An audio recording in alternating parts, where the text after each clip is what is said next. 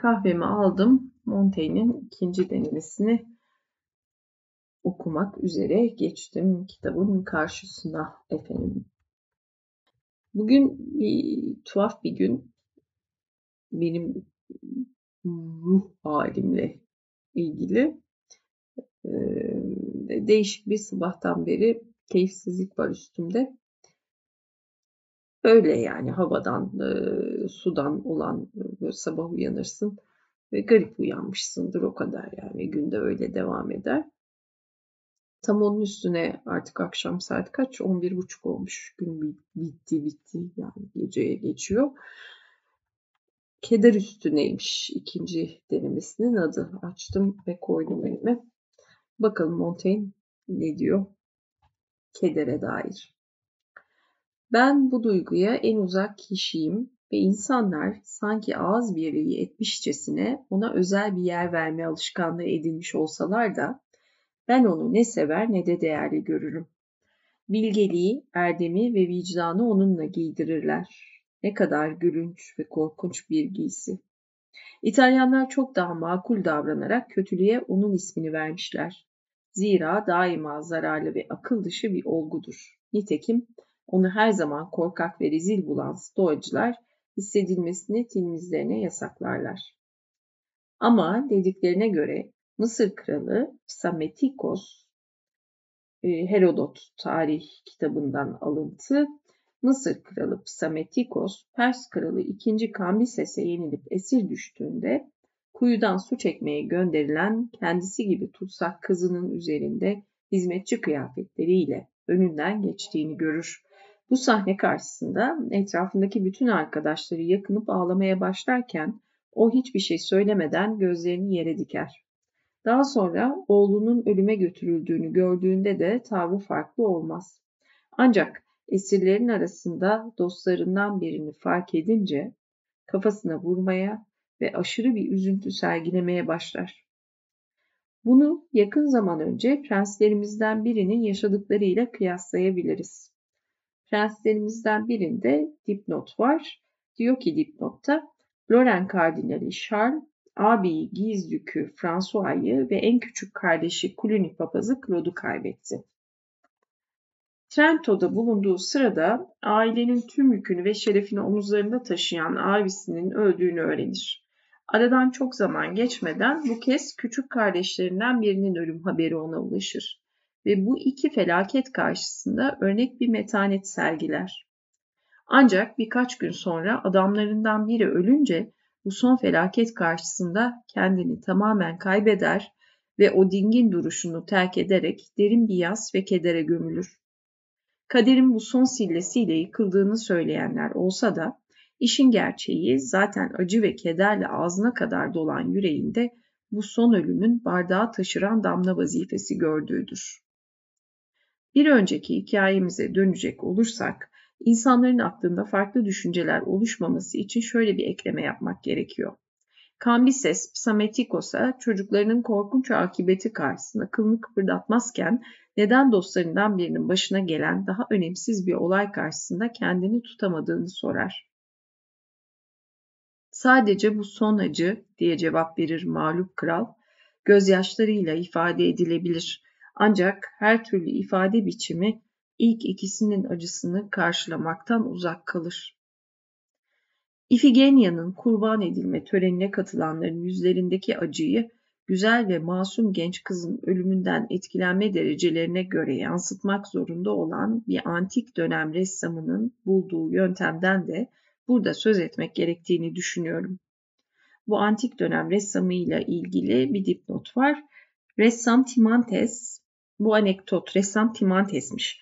Bu anekdot Plinius'un Doğa Tarihi adlı eserinin 35. kitabından alınmıştır ve tasviri imkansız acıları anlatmakta kullanılan tipik bir örneğe dönüşmüştür. Sıra genç kızın babasına geldiğinde sanatının tüm imkanlarını tüketmiş olduğundan onu sanki acının bu derecesini yansıtabilecek ifade yokmuşçasına yüzü örtülü resmeder.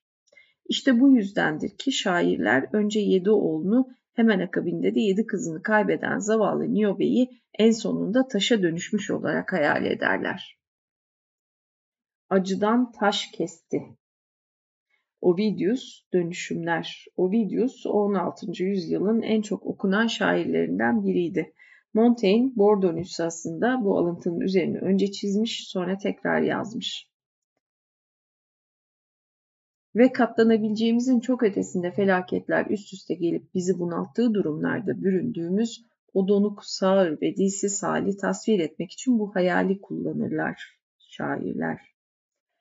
Doğrusu bir acının en uç noktasına ulaşması için tüm ruhu ele geçirmesi ve onun hareket etme serbestliğini tamamen yok etmesi gerekir. Çok kötü bir haber aldığımızda kendimizi tutulmuş, felç olmuş ve en küçük bir hareketi yapmaktan aciz hissetmemiz işte bu yüzden. Ardından ruhumuz kendini gözyaşlarına ve iniltilere bırakınca özgürleşmiş, kurtulmuş, kendine gelmiş ve normal haline dönmüş görünür. Burada bir alıntı var ve acısı en sonunda sesine geçit verdi demiş Virgilius Aeneis, Roma İmparatorluğu'nun kuruluşunun epik destanı ve acısı en sonunda sesine geçit verdi.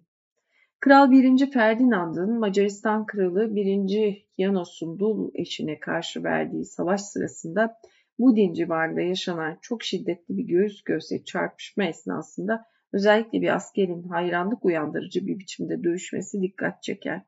Savaş meydanında can verince ardından övgüler düzülen ve yaz tutulan bu meçhul askerin kim olduğunu herkes en başta da onun cesaretinden çok etkilenen Alman komutan Reihach merak etmektedir. Önüne getirilen cansız bedenin kime ait olduğunu öğrenmek için yanına yaklaşır ve ölünün zırhı çıkarılınca oğlunun yüzüyle karşılaşır. Orada bulunanların tamamı bundan çok etkilenip gözyaşlarını boğulurken bir tek o istifini bozmaz, hiçbir şey söylemez ve ayakta durup hüzünlü bakışlarla oğlunun cansız bedenini seyretmeye başlar. Ta ki hissettiği acı onun yaşam gücünü tüketip onu cansız bir halde yere devirene kadar.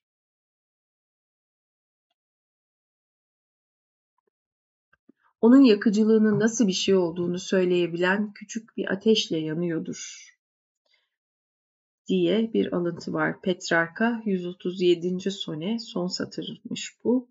Petrarka'nın Canzoniere adlı eseri 16. yüzyılın aşk şiiri modelidir. Onun yakıcılığının nasıl bir şey olduğunu söyleyebilen küçük bir ateşle yanıyordur diyorlar. Dayanılmaz bir tutkuyu anlatmak isteyen aşıklar. Sonrasında da bir şiir var. Bu da Catullus. Bütün şiirleri. Catullus. Ne zavallıyım ben böyle tüm duyularımdan mahrum.